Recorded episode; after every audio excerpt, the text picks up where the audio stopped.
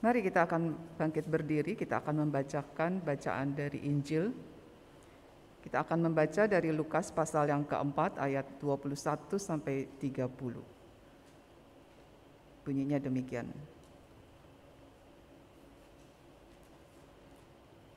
Lalu ia mulai mengajar mereka, katanya, pada hari ini genaplah nats ini sewaktu kamu mendengarnya. Dan semua orang itu membenarkan dia dan mereka heran akan kata-kata yang indah yang diucapkannya. Lalu kata mereka, bukankah ia ini anak Yusuf? Maka berkatalah ia kepada mereka, tentu kamu akan mengatakan pepatah ini kepadaku. Hai tabib, sembuhkanlah dirimu sendiri Perbuatlah di sini juga di tempat asalmu ini segala yang kami dengar yang telah terjadi di Kapernaum. Dan katanya lagi, Aku berkata kepadamu, sesungguhnya tidak ada nabi yang dihargai di tempat asalnya. Dan aku berkata kepadamu, dan kataku ini benar. Pada zaman Elia terdapat banyak perempuan janda di Israel ketika langit tertutup selama tiga tahun dan enam bulan, dan ketika bahaya kelaparan yang hebat menimpa seluruh negeri. Tetapi Elia diutus bukan kepada salah seorang dari mereka, melainkan kepada seorang perempuan janda di Sarfat, di tanah Sidon. Dan pada zaman Nabi Elisa, banyak orang kusta di Israel, dan tidak ada seorang pun dari mereka yang ditahirkan selain daripada Naaman, orang Syria itu. Mendengar itu sangat marahlah semua orang yang di rumah ibadat itu. Mereka bangun lalu menghalau Yesus keluar kota dan membawa dia ke tebing gunung tempat kota itu terletak untuk melemparkan dia dari tebing itu. Tetapi ia berjalan lewat dari tengah-tengah mereka lalu pergi. Demikianlah Injil Tuhan kita Yesus Kristus. Berbahagialah mereka yang mendengarkan firman Allah dan yang memeliharanya. Haleluya.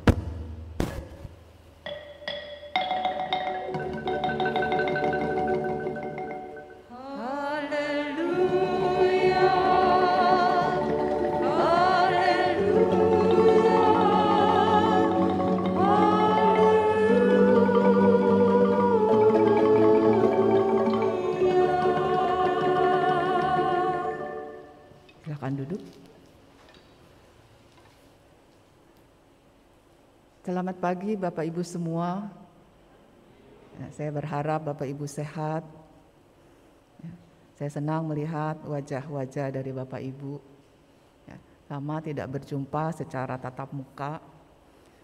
Tapi hari ini saya bisa melihat muka-muka Bapak Ibu dengan penuh keceriaan. Puji Tuhan. Tema hari ini adalah menghadapi penolakan dengan kasih. Di dalam Alkitab ada banyak catatan tokoh-tokoh iman yang karena kesaksiannya, yang karena pemberitaan firman Tuhan, mereka harus mengalami berbagai penolakan. Ada penolakan itu yang disingkirkan atau diasingkan atau dikucilkan. Tapi tidak jarang ada juga sampai mereka mengalami kekerasan-kekerasan secara fisik dipenjara, dicambuk, dipukul, ya. bahkan ada yang sampai dibunuh. Misalnya contoh, Nuh di dalam kejadian pasal yang ke-6.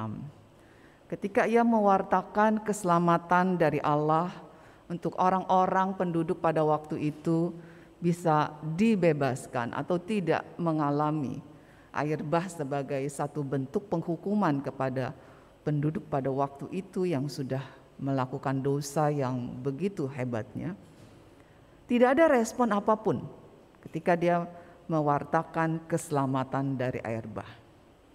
Ada kemungkinan ia dianggap kurang waras karena mendirikan bahtera perahu yang begitu besar di darat gitu ya, yang tidak jelas apakah akan ada hujan yang eh, bisa memusnahkan bumi pada waktu itu toh selama ini hujan biasa-biasa saja gitu ya. Mungkin dia akan dihina. Mungkin dia akan dicaci maki, mungkin akan dicerca.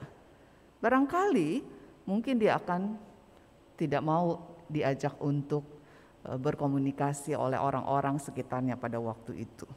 Dan panjang waktunya dia mengalami hal itu selama pembuatan bahtera.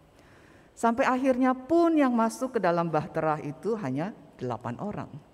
Artinya pemberitaan, pewartaan keselamatan yang dia sampaikan sepertinya dalam tanda kutip itu tidak memberikan efek apa-apa kepada orang pada zaman itu. Malah dia mengalami satu penolakan-penolakan yang menyakitkan hati. Atau contoh yang lain di dalam kitab Daniel. Ketika Daniel mau mempertahankan hidup kudusnya di tengah-tengah orang-orang kafir pada waktu itu, di mana dia ingin tetap menjadikan Tuhan sebagai tuannya, padahal sekelilingnya penduduk Babel pada waktu itu justru menjadikan dirinya sebagai tuan atau tuhannya. Apa yang dialami? Ancaman, ditangkap, sampai dia masuk ke dalam lubang singa. Artinya ada satu pengalaman yang begitu menyedihkan, menyakitkan dan sangat membahayakan. Hukuman mati yang mengerikan yang siap akan harus dia tanggung itu.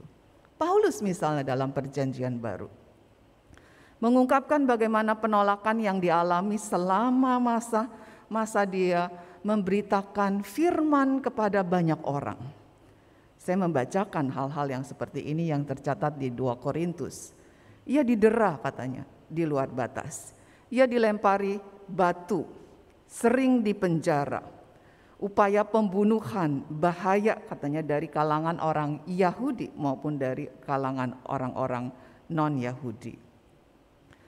Namun Alkitab yang mencatat bahwa begitu banyak tokoh-tokoh iman, para pelayan Tuhan, para nabi Tuhan yang mengalami penolakan-penolakan.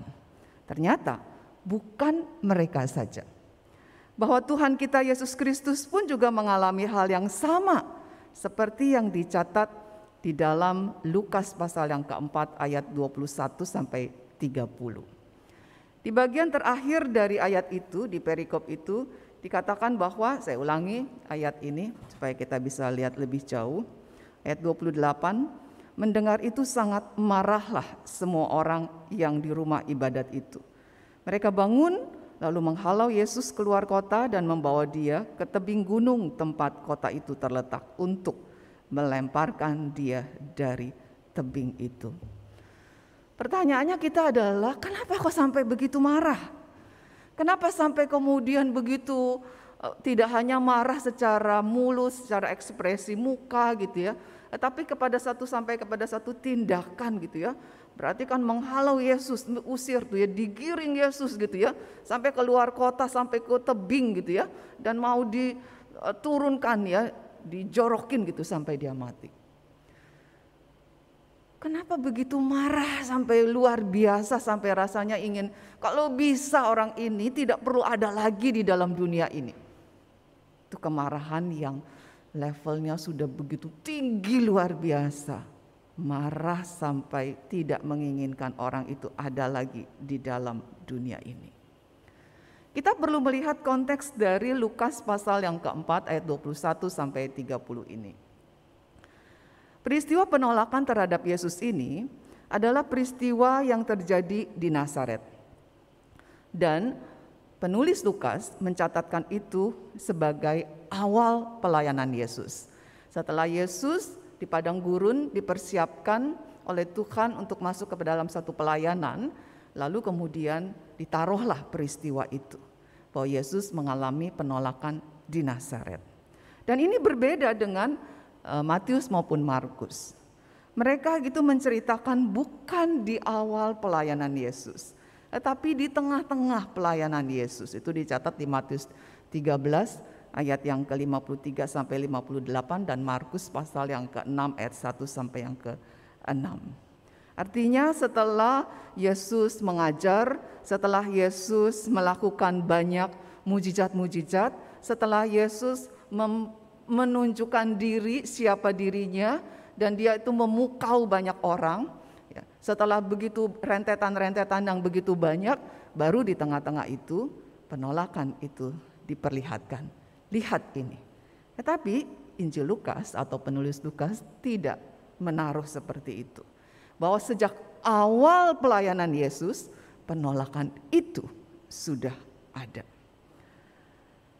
Memang Lukas menceritakan kisah ini bukan secara kronologis.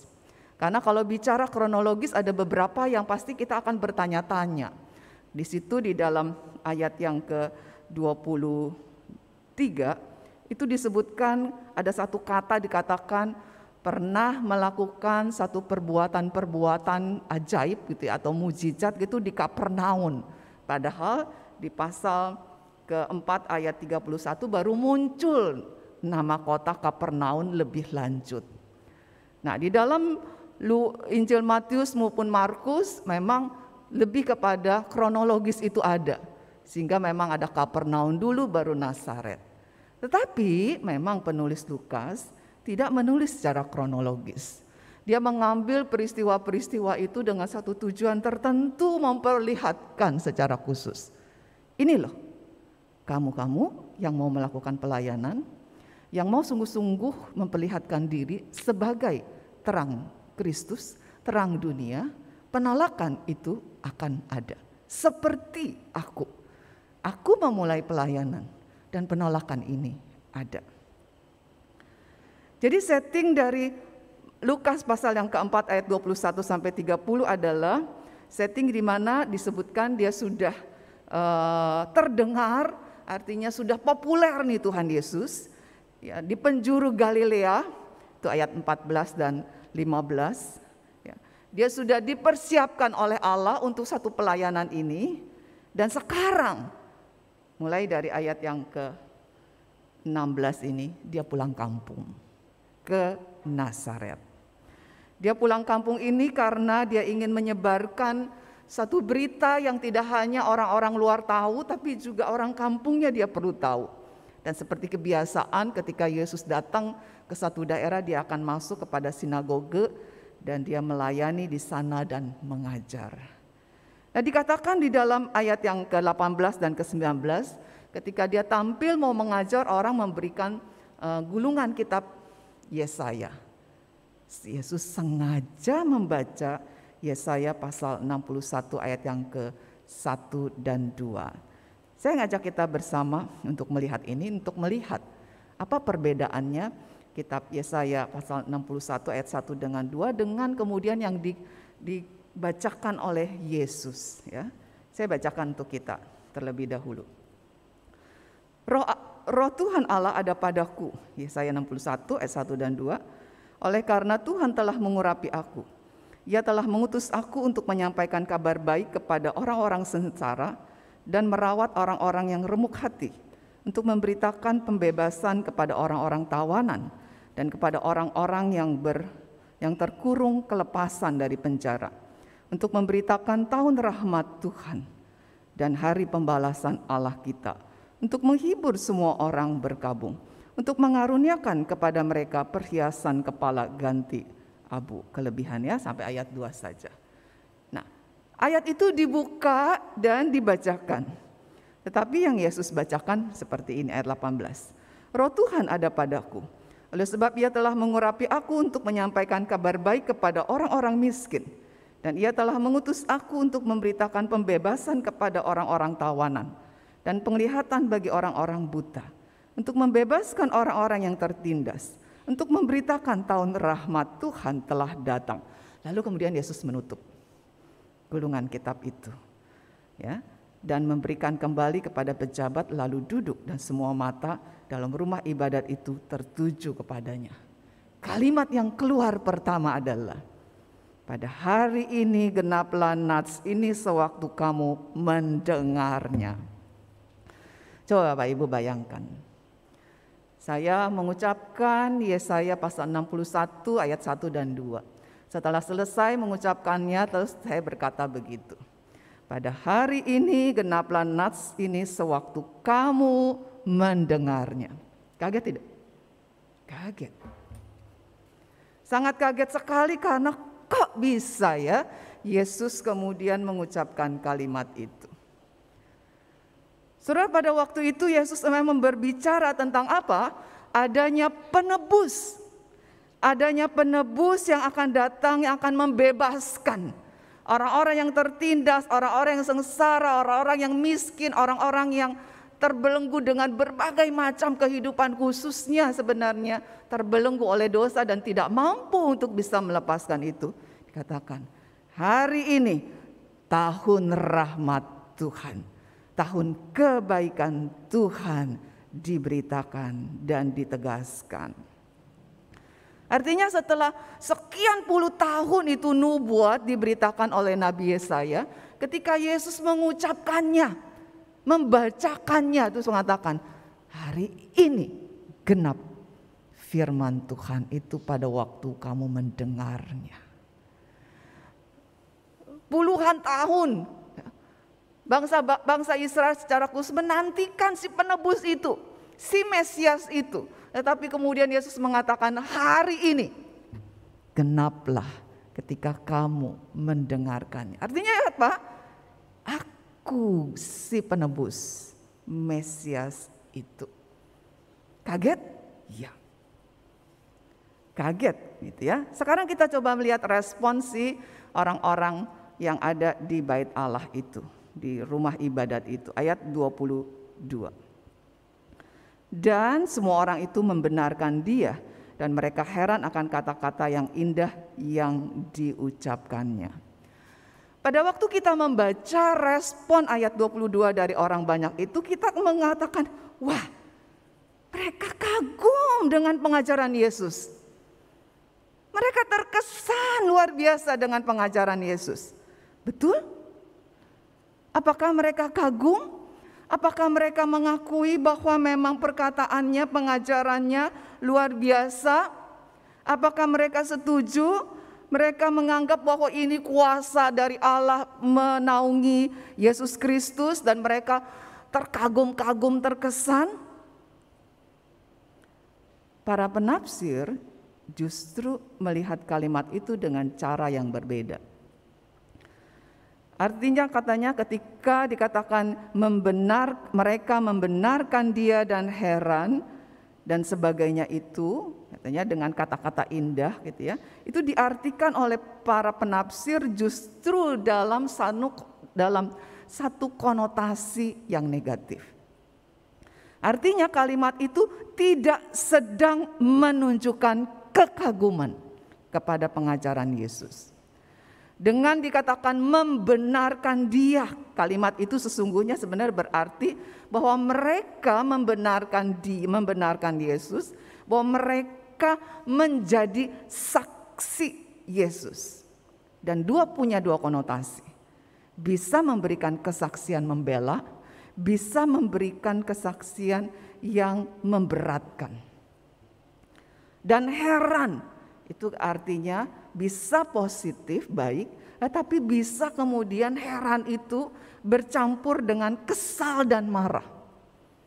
Nah, kita bisa tahu kalau ada orang yang uh, kesal gitu ya, terus mengatakan heran gitu ya kepada anak gitu ya yang sudah dibilangin berkali-kali lalu kemudian masih juga uh, tidak taat, kemudian kita mungkin akan berkata, heran mama, tapi hatinya apa?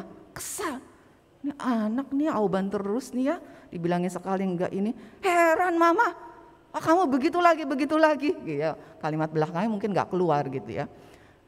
Tapi ketika kemudian setelah bilang heran, baru terakhir kalimat belakang keluar baru tahu, oh ini lagi kesel, ini lagi marah. Dan nanti kita lihat kalimat belakang dari orang banyak itu. Nah begitu juga dengan katanya mereka heran akan kata-kata indah. Itu berarti katanya Kata-kata indah itu menunjuk kepada karunia Allah. Artinya, jadi orang-orang di dalam bait atau rumah ibadat itu sebenarnya kesal gitu. Kenapa? Karena Yesus membicarakan kasih karunia. Betul tidak? Betul. Tadi kenapa saya ajak Bapak dan Ibu untuk kembali melihat Yesaya pasal 61 ayat 1 dan yang kedua. Di situ tidak hanya bicara dengan tahun rahmat Tuhan, tapi juga yang kedua apa? Coba Bapak Ibu coba lihat lagi. Lihat apa beritanya. untuk memberitakan tahun rahmat Tuhan dan hari pembalasan Allah kita. Orang-orang banyak ini marah, kesal. Kenapa kok Yesus hanya bicara kasih karunia Allah? Kenapa Yesus tidak memberitakan juga tentang pembalasan? Allah memang memberitakan tentang kemurahan, tentang penebusan untuk umat Allah, tapi jangan pernah lupa juga bicara pembalasan untuk orang-orang non-Yahudi, musuh-musuh Allah, musuh-musuh umat. Sementara Yesus hanya mengungkapkan kasih karunia tanpa menyinggung pembalasan bagi orang-orang non-Yahudi. Nah, dari dari gambaran seperti ini artinya bahwa kita kemudian bisa mengerti kalimat ujungnya ya, membenarkan lalu heran kata-kata indah terus mereka diiringi dengan satu kalimat begini ya di ayat yang ke-22 akhir. Bukankah ia ini anak Yusuf? Jadi bahwa mereka dalam kemarahannya tidak menerima isi firman yang disampaikan oleh Yesus.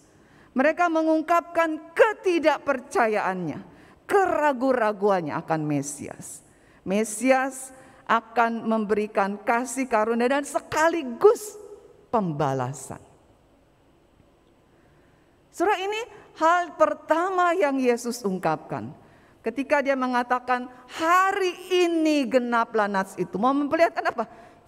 Ini aku. Identitasku. Aku Mesias. Dan aku Mesias menyampaikan firman.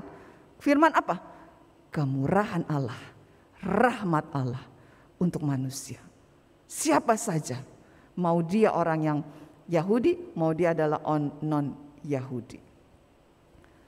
Nah, bagi orang-orang Yahudi yang saat itu berada di rumah ibadat, mereka tidak bisa terima. Sudah mulai rasa kesal.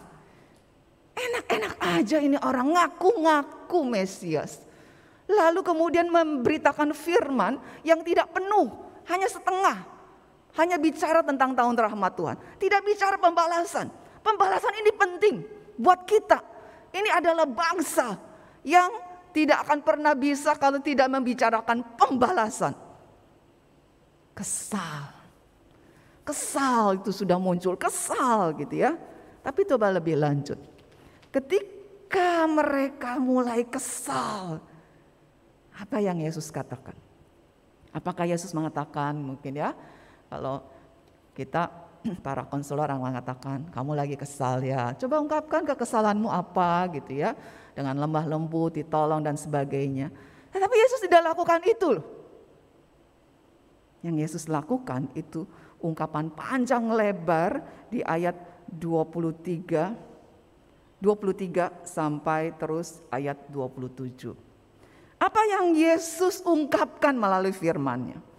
Yang Yesus ungkapkan adalah satu teguran koreksi untuk mereka. Ya, pertama, Yesus berkata, "Tentu kamu akan mengatakan pepatah ini kepadaku, ya, yaitu hai tabib, sembuhkanlah dirimu sendiri." Perbuatlah di sini juga di tempat asalmu ini segala yang kamu dengar yang telah terjadi di Kapernaum. Artinya Yesus yang maha tahu itu menyingkapkan. Ini toh hatimu begini ya. Karena hatimu inginkan menuntut bukti kan. Kamu inginkan aku melakukan sesuatu perbuatan yang hebat, sesuatu uh, tindakan spektakuler yang kamu inginkan seperti yang aku lakukan di Kapernaum, mujizat-mujizat itu. Kenapa? Kamu ragu, kamu ingin menye, apa, menurunkan keraguan itu dengan apa? Bukti. Hatimu kan ingin buktikan kamu Mesias, buktikan kamu Mesias. Mereka menuntut Yesus membuktikan kalau kamu adalah Mesias melalui mujizat yang pernah kamu juga lakukan di Kapernaum. Ayo lakukan sekarang di kampungmu ini, di Nazaret ini. Pada zaman dulu seorang pembuat mujizat ya, penyembuh lah, saya katakan penyembuh-penyembuh, tabib-tabib gitu ya. Sekalipun mereka itu dikagumi gitu ya, dicari-cari orang karena orang lagi sakit pasti cari itu para tabib-tabib. Tetapi mereka semua tahu tabib-tabib itu sekalipun penyembuh memberikan semua apa mujizat-mujizat kesembuhan kepada banyak orang, satu kekurangannya yaitu dia tidak bisa menyembuhkan dirinya sendiri. Nah, itu yang kemudian di dalam hati orang banyak di rumah ibadat itu mengatakan, "Kamu bilang Mesias? Tunjukkan bahwa kamu bisa lakukan, yaitu sembuhkan dirimu sendiri." Artinya, kamu lebih dari tabib-tabib, kamu lebih dari penyembuh-penyembuh. Kamu lebih dari semuanya itu. Jadi kamu Mesias. Artinya Anda mengatakan bahwa engkau orang yang diurapi oleh Allah, engkau katanya dibimbing oleh roh Allah, engkau memandang dirimu sebagai Mesias, bila engkau tetap dengan klaimmu saat itu, buktikan di hadapan kami, beri kesaksian bahwa kamu berbeda atau sama. Kamu lebih dari penyembuh itu atau kamu sama.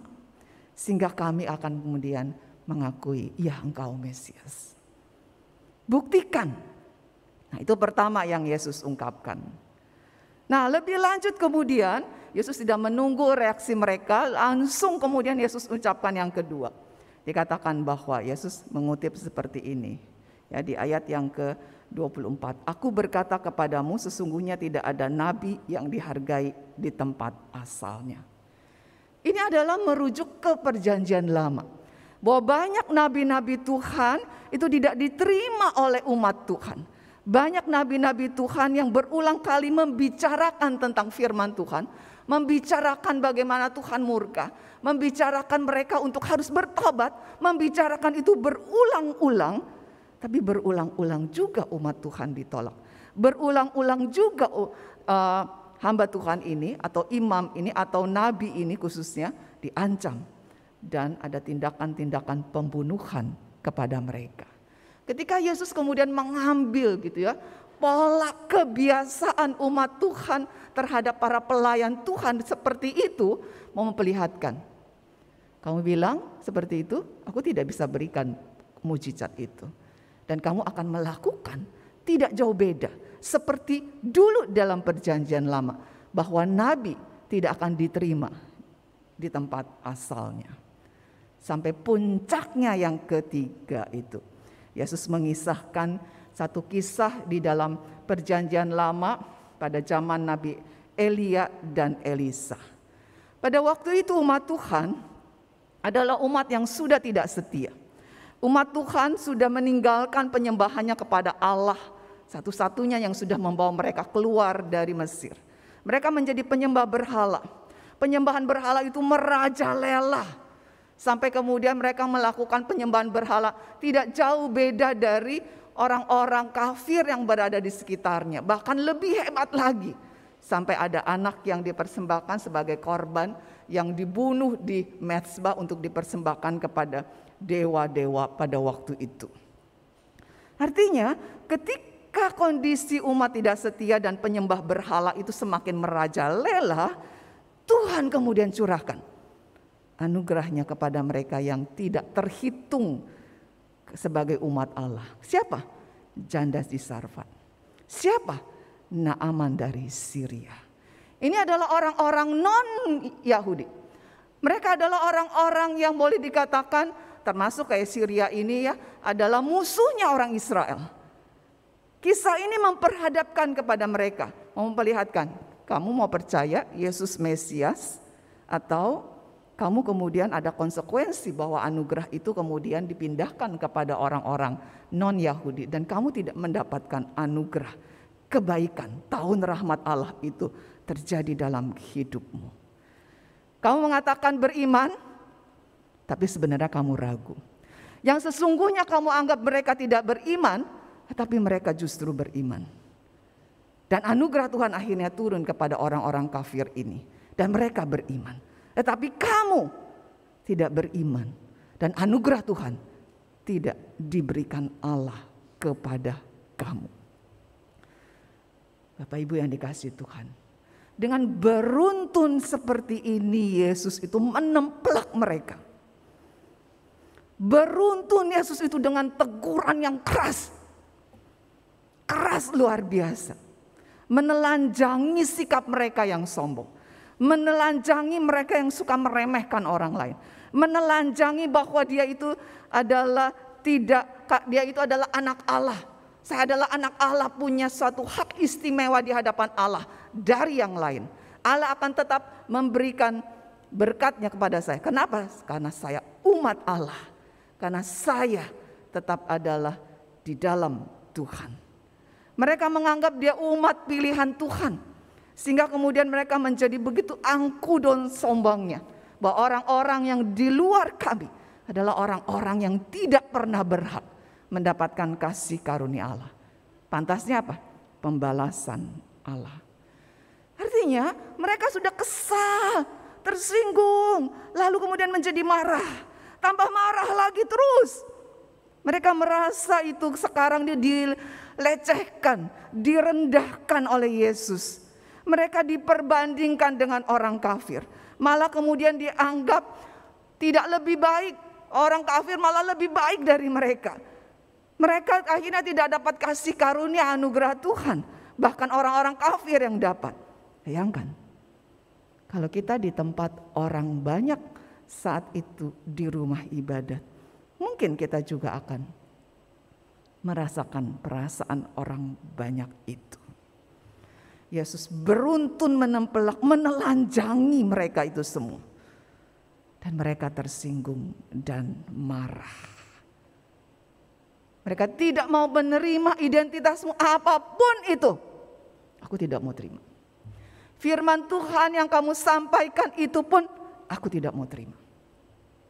Apalagi sekarang kamu rendahkan aku dengan beberapa contoh yang seperti itu. Siapa kamu? Kamu cuma anak tukang kayu. Akhirnya yang terjadi dengan sangat marah itu ayat 28 semua orang di rumah ibadat itu bangun lalu menghalau Yesus keluar kota dan membawa dia ke tebing gunung tempat kota itu terletak untuk melemparkan dia dari tebing. So dengan ini kita memahami kenapa kok orang sampai begitu marah besar.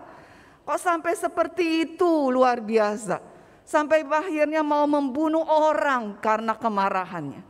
Kita mengerti kenapa itu terjadi. Terus sekarang kita coba lihat bagaimana respon Yesus.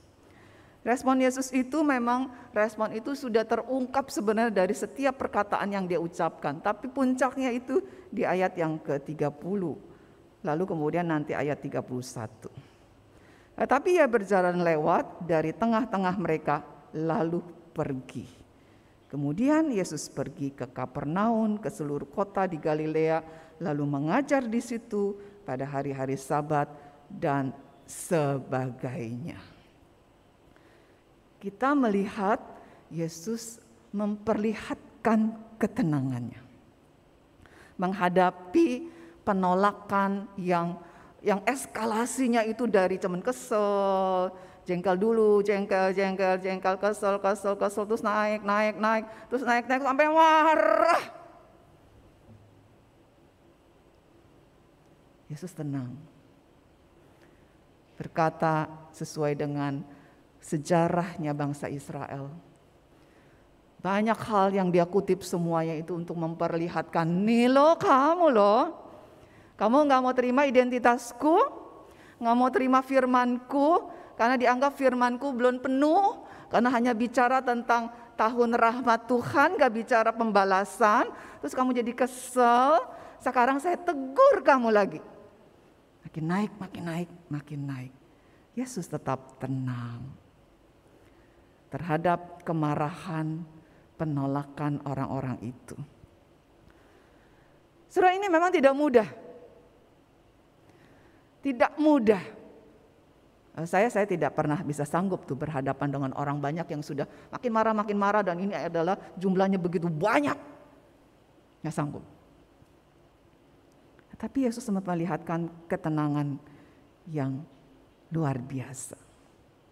Ketika saya membaca ini, saya ingat kemudian ada satu tokoh dalam perjanjian baru di dalam kisah para rasul, itu dalam diri seorang yang bernama Stefanus. Coba kita lihat sebentar ya ayat ini.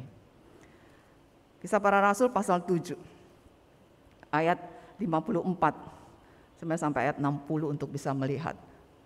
Bunyi begini, ketika anggota-anggota mahkamah agama itu mendengar semuanya itu sangat tertusuk hati mereka. Mendengar apa? Pemberitaan firman yang disampaikan oleh Stefanus. Maka mereka menyambutnya dengan gertakan gigi. Oh ini udah marah tuh, makin marah. Marahnya udah naik, naik terus naik. Tetapi Stefanus yang penuh dengan roh kudus menatap ke langit lalu melihat kemuliaan Allah dan Yesus berdiri di sebelah kanan Allah. Lalu katanya, nih kalimat ini menambah eskalasi kemarahannya. Sungguh aku melihat langit terbuka dan anak manusia berdiri di sebelah kanan Allah. Aku melihat kan, ini kan gak bisa, gak sembarangan orang bisa melihat kemuliaan Allah seperti itu. Mereka kemudian makin berteriak-teriak dan sambil menutup telinga serentak menyerbu dia. Mereka menyeret dia keluar kota sama seperti yang Yesus alami. Lalu melempari dia melemparinya dan saksi-saksi meletakkan jubah mereka di depan kaki orang muda yang bernama Saulus. Sedang mereka melempari Stefanus, melemparinya Stefanus berdoa katanya, "Ya Tuhan Yesus, terimalah rohku." Sambil berlutut ia berseru dengan suara nyaring, "Tuhan, janganlah tanggungkan dosa ini kepada mereka." Dan dengan perkataan itu meninggallah ia. Satu ketenangan yang sama Ya, tapi dalam catatan ayat itu disebutkan ada dikatakan bahwa Stefanus yang penuh dengan roh. Yesus juga penuh dengan roh. Karena kisah dari Lukas pasal 4 eh, ayat 16 sampai 30 ini adalah kisah setelah dia diteguhkan oleh Allah, dibaptis dan diteguhkan oleh Allah Bapa sebagai inilah anak yang kukasihi dan kepadanya lah aku berkenan. Dan saat itu kemudian roh Allah hinggap ke atas dirinya. Penuh dengan roh. Saudara memang tidak mudah untuk berhadapan dengan orang yang begitu luar biasa marah. Yang benci banget kepada kita. Kita perlu belajar bahwa memang tidak akan pernah mudah. Tetapi mungkin karena Yesus memperlihatkan itu. Karena Stefanus memperlihatkan itu. Mungkin bisa terjadi untuk tidak terpancing. Ketika kita penuh dengan roh kudus. Seperti Stefanus. Nah yang kedua kemudian Yesus kemudian melanjutkan pelayanan itu. Kalau kita mendapatkan penolakan kita akan kemudian ah sudahlah Apalagi kalau penolakan itu sampai kemudian uh, membahayakan diri kita, kita akan ngerem. Udahlah, enggak jangan deh, takut. Tapi Yesus tidak. Kenapa? Ada satu tujuan yang jelas, dia datang untuk apa? Dia datang untuk menjadi penebus. Dia tahu identitasnya, aku adalah penebus Mesias. Aku harus menuntaskan tugas ini. Sehingga dia melanjutkan karya pelayanannya, tidak terpengaruh dengan kemarahan orang itu. Dia melanjutkan menyampaikan kabar baik kepada orang miskin. Dia melanjutkan memberitakan pembebasan kepada orang yang ditawan. Ia melanjutkan memberitakan tentang penglihatan bagi yang buta, pembebasan bagi yang tertindas. Saudara memang penolakan-penolakan kepada Tuhan Yesus yang dicatat di dalam firman Tuhan itu sering kali berujung dengan kekerasan. Dan kekerasan itu memuncak kepada ketika Yesus akhirnya harus mati di atas kayu salib. Dia dibunuh sebenarnya. Dibunuh saat itu. Untuk apa yang dia katakan. Untuk apa yang dia ajarkan. Untuk apa yang dia sikapi terhadap semua orang itu. Dia dibunuh. Salib memang merupakan satu simbol kekerasan simbol penghinaan. Tetapi kemudian itu diadopsi oleh kekristenan atau kemudian itu diambil oleh Allah sebagai lambang kasih Allah. Kasih Allah di dalam Kristus bagi dunia ini. Artinya ketika Yesus menerima salib itu bukan berarti dia menerima kekerasan tidak. Bukan berarti bahwa Yesus senang dengan kekerasan sehingga dia mau mati di atas kayu salib. Dia bahagia dengan kekerasan. Dia mencintai kekerasan. Tidak. Tidak itu. Bahwa Yesus pada waktu orang banyak mau membunuh dia dengan melempari dia terjun dari tebing itu, Yesus kemudian akhirnya apa? menghindari. Dia lewat dari tengah-tengah mereka lalu pergi. Dia tidak menikmati segala tindakan kekerasan. Dia tidak menyukai dan kemudian mau merangkul kekerasan. Enggak. Yesus menghindari. Karena buat dia, dia harus menuntaskan. Saat ini bukan waktunya dia mati ada waktunya dia harus mati nanti sesuai dengan rencana Tuhan. Tapi bukan saat ini mati gila gitu ya. Dengan saat ini mungkin kemudian akhirnya ya sudahlah aku akan mati saja. Enggak. Itu tidak sesuai dengan rencana Tuhan. Jadi Yesus menghindari hal-hal yang merupakan bisa membahayakan dirinya. Tetapi dia tetap menunjukkan kasihnya karena kasihnya akhirnya dia pergi kemudian ke kota lain, ke kota lain, ke kota lain. Untuk apa? Tetap memberitakan tahun rahmat Tuhan itu ada. Kamu semua harus berbalik kepada Tuhan. Saat ini kesempatan, saat ini adalah peluang yang besar. Datanglah. Karena kasihnya dia lakukan itu. Seperti yang Yohanes 3 ayat 16 mengatakan karena Allah mengasihi dunia ini. Makanya dia kemudian melakukan tindakan-tindakan yang memperlihatkan kasihnya. Dia mengajar dengan kasih. Dia berfirman dengan kasih. Dia menegur orang-orang banyak pada waktu itu di rumah ibadat itu dengan kasih. Kenapa dia memperlihatkan ini loh kamu kondisimu seperti ini. Kamu mau percaya atau enggak percaya silakan. Tapi aku harus kasih tahu ini kondisimu. So dalam satu proses konseling, menyadari keadaan diri, itu poin yang penting dan utama. Kalau orang tidak menyadari apa yang terjadi dalam dirinya, itu kemudian mau masuk kepada satu terapi, itu sulit sekali. Kalau dia tidak menyadari bahwa dirinya itu butuh pertolongan, kalau dia tidak menyadari bahwa dirinya salah, susah sekali untuk menolong orang tersebut untuk masuk kepada satu perubahan-perubahan.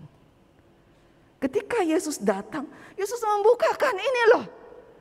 Kamu tahu kondisi kamu? Ini kondisimu loh. Kamu itu angkuh banget. Kamu itu keras kepala sekali. Kamu itu hanya menuntut bukti.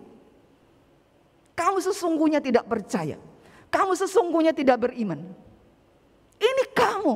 Tahu? Itu teguran yang sangat keras yang diutarakan oleh Yesus. Tetapi Yesus harus mengucapkan itu karena dia mengasihi. Ketika orang kemudian menjadi sadar baru masuk kemudian.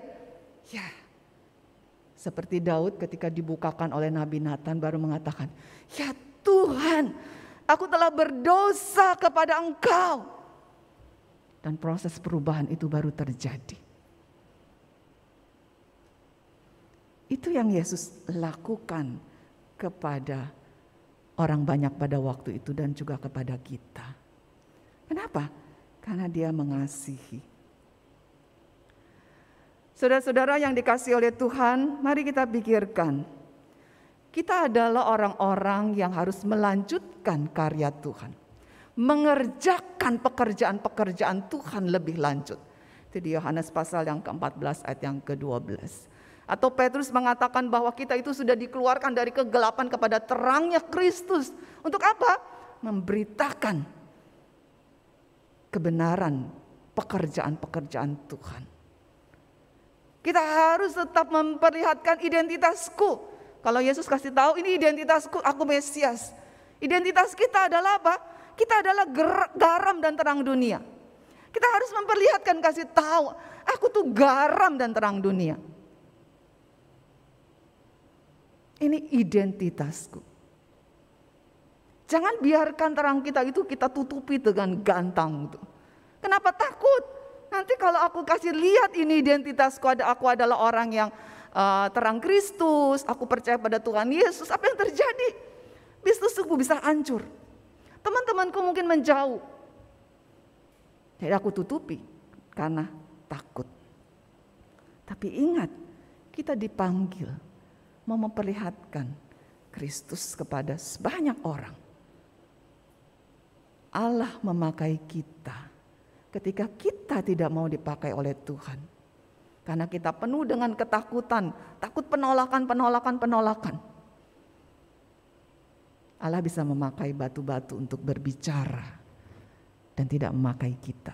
Ilustrasi yang Yesus pakai kisahnya Elia dan Elisa Anugerah itu diberikan kepada yang lain, bukan kepada kita.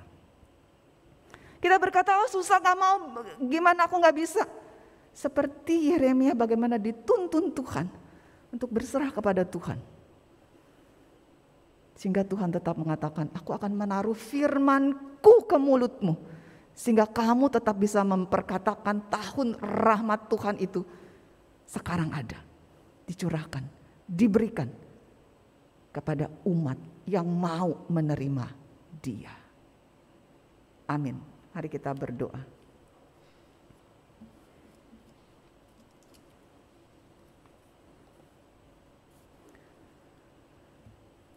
Tuhan Yesus, sering kali kami tidak berani Tuhan mengungkapkan identitas kami apalagi memperkatakan firman atau menegur orang-orang di sekitar kami. Namun bercermin dari firman yang kau ungkapkan ini, engkau mengungkapkan identitasmu sebagai Mesias. Engkau memperkatakan firman Tuhan dan menegur jelas-jelas. Agar orang-orang yang mendengarnya menyadari kondisinya dan bisa berbalik kepada Tuhan. Tuhan Yesus, tolonglah kami. Kuatkan kami ya Tuhan. Kalau engkau sudah menguatkan Nabi Yeremia sehingga dia akhirnya mau mengambil peran sebagai pelayan Tuhan sampai detik terakhir hidupnya dengan setia. Kami juga ingin Tuhan memperlihatkan identitas kami terang dunia. Untuk menerangi dunia ini yang gelap ini dengan terang Kristus, terang ilahi. Tolong kami Tuhan. Kalau kami menjadi lemah kadang dan menutupi terang kami itu dengan gantang. Karena kami penuh dengan ketakutan. Kami lebih mementingkan diri kami sendiri saat ini Tuhan, tuntun kami agar kami didorong untuk mengerjakan, melanjutkan pekerjaan-pekerjaan yang telah Tuhan Yesus lakukan di dalam dunia ini. Tuhan tolonglah kami. Tuntunlah jemaatmu ini ya Tuhan. Ketika kembali kepada lingkungannya, kepada keluarganya, kepada tetangganya, kepada teman-teman bekerjanya. Tuntun ya Tuhan agar terang Kristus sebagai satu identitasnya boleh terungkap dan tidak tertutup. Tuhan tolonglah kami. Kami menyerahkan doa kami ini di dalam nama Tuhan Yesus Kristus. Amin.